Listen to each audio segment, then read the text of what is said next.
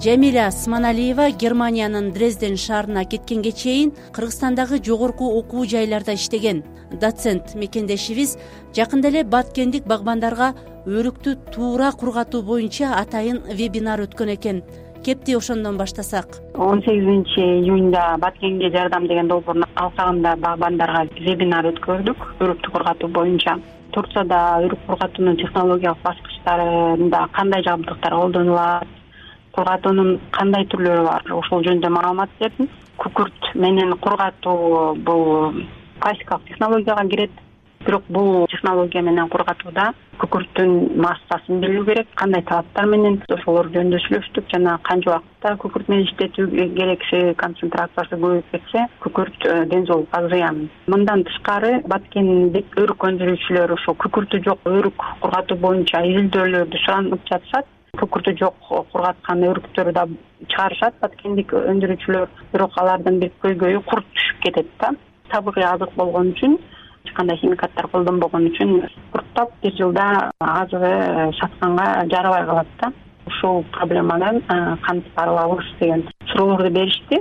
Буюрса германиянын билим берүү жана илим министрлиги каржылануучу долбоорунун алкагында бул проблеманын үстүндө иштейбиз деп жатабыз. Идеялар бар кандай багытта иштей турганыбыз.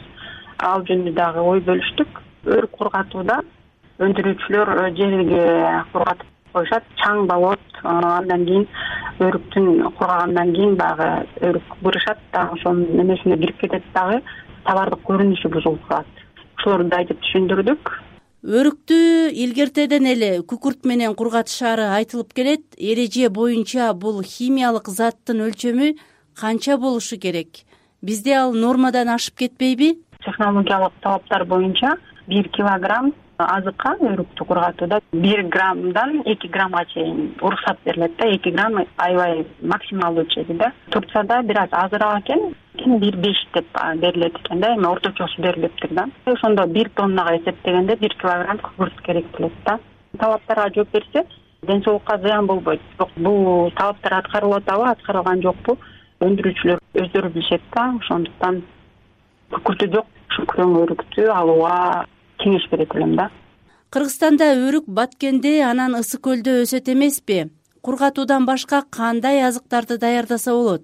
Мисалы өрүктөн шарап чыгарса болот деп айтып жүрүшөт. Өрүктү кайра иштетүүнүн технологиялары көп. Өрүктөн шире өндүрсө болот. Биринчи пюре алынат. Сахарный сироп менен кошулуп анан шире түрүндө өндүрсөк болот да. Кыям алса болот вареньяларды алса болот джем чыгарса болот мармелад чыгарса болот пюре компот өндүрсө болот шарапты да өндүрсө болот. Шире алуу бир аз кыйынчылыкты жаратат. Эгерде чоң өлчөмдө өндүрөбүз десекчи атайын цехтер болуш керек да. Ширени ачытуу э, шарап жасоодо болжол менен отуз күндү талап кылат да. Бул үчүн анда атайын идиштер керек э.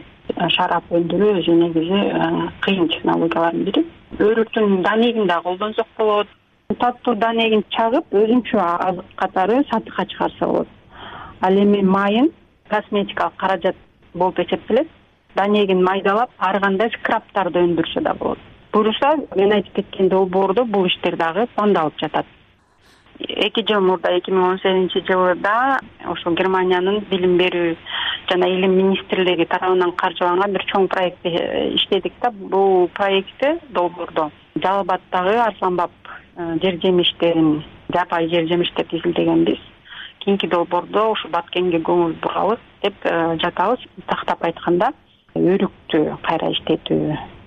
Анын химиялык курамын изилдеп андан чыгарган азыктар жөнүндө изилдеп жаңы азыктарды чыгаруу дагы э, кургатуу технологиясын жакшыртуу дагы каралып жатат да бул проекттин алкагында ошо германиядагы мурдагы долбооруңуз тууралуу азын улак маалымат бере кетесизби? Кыргызстандын таза экологиялык азыктары тууралуу жазган экенсиз анын жыйынтыгы кандай болду? Биринчи э, долбоордун жыйынтыктары э, боюнча үч илимий макала чыгардык. Бул макалада биз арсланбап жаңгак жана жемиш токойлорундагы жапайы жер жемиштерди изилдедик да. Көрсөткүчтөрүнчү. Аябай жакшы чыкты антоциандары полифенолдук бирикмелери аябай чоң мааниде чыкты. Бул эмнени көрсөтөт?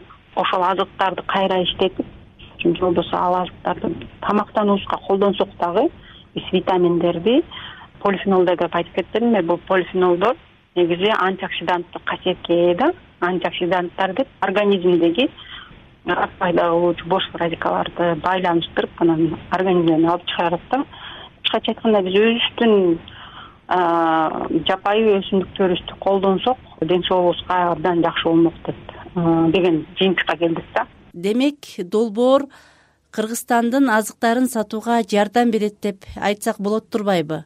Ооба бар болот.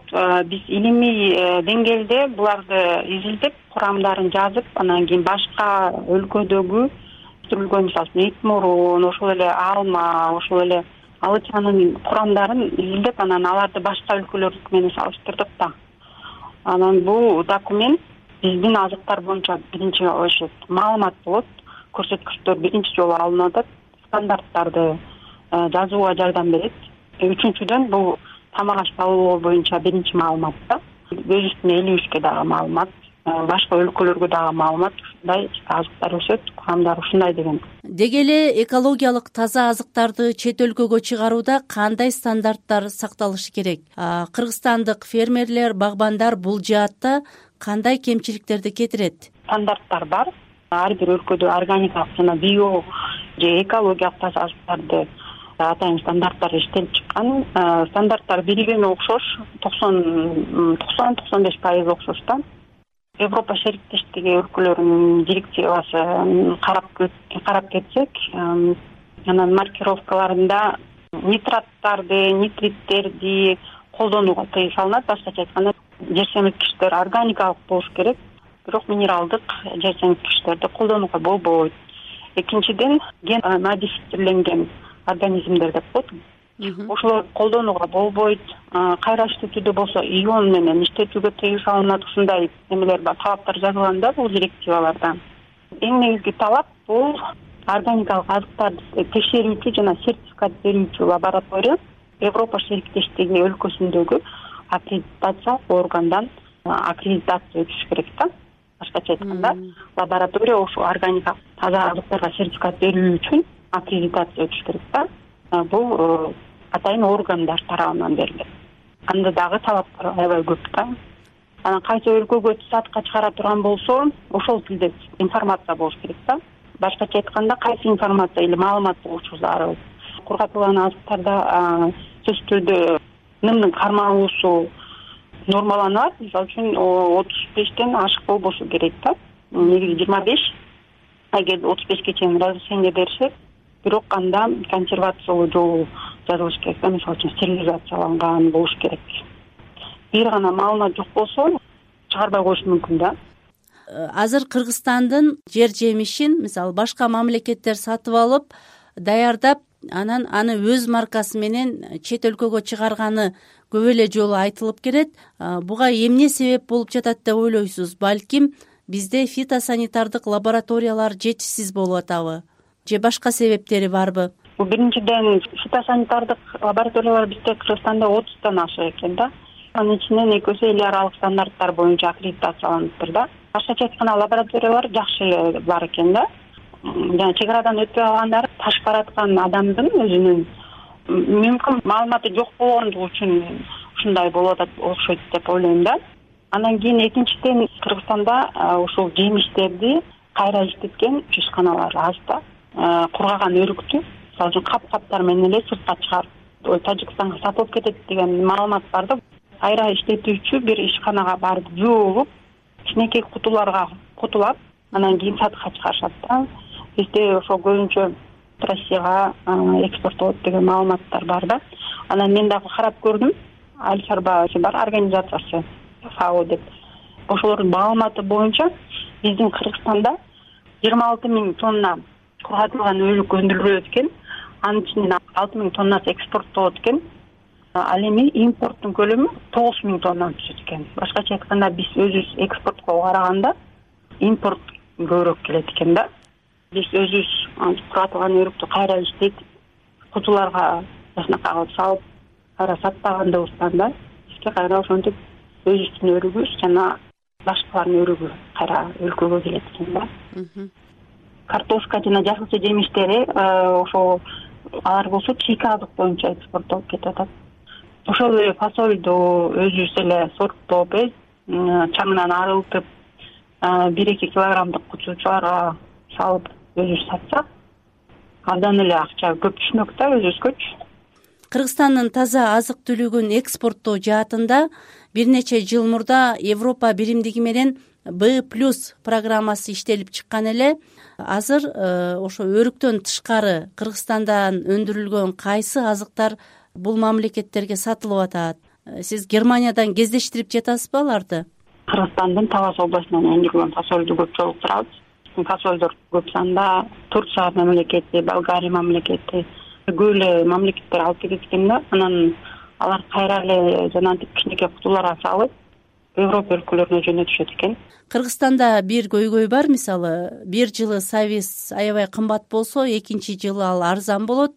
Мындан баягы дыйкандар эле жабыр тартканы айтылып келет. Ушул көйгөйдү жоюу жаатында кандай иш чараларды жүргүзүү керек? Сиз германиянын мисалында айтып бере аласызбы? Айыл чарба министрлиги статистикалык маалыматтар менен бирге ар бир айыл чарба азыгына прогноз берип туруш керек. Азыркы учурда фермердик чарбалар майда да сандары көп жана ар ким каалаган өсүмдүктү тигет да эч кандай пландоо жок. Мисалы үчүн ар бир региондо өзүнө ылайыкташкан айыл чарба культуралар белгилүү болуп калды. Мисалы үчүн баткенде кургатылган өрүк чүйдө э, пияз картошка жашылча жалал абадда жаңгак жана ушул сыяктуу культуралар белгилүү. Ушул багытта айыл чарба министрлиги ушул багытта ар бир областта өзгөчө көңүл бурушу керек да. Айыл чарба министрлиги айыл өкмөттөрү менен тыгыз иштеш керек. Ал эми айыл өкмөттөрү фермерлер менен тыгыз иштеш керек. Так маалыматты өз убагында берип турушу керек. Мисалы үчүн кайсы фермер канча гектарга эмне тикти ошого жараша жылдын аягында канча түшүм алынат? Ошону эсептеп чыгарса болот да. Ошону эсептеп чыгарып бааларды прогноз кылса болот. Мамлекеттин иши ушул деп ойлойм да германияда болсо ушул принцип менен иштешет да.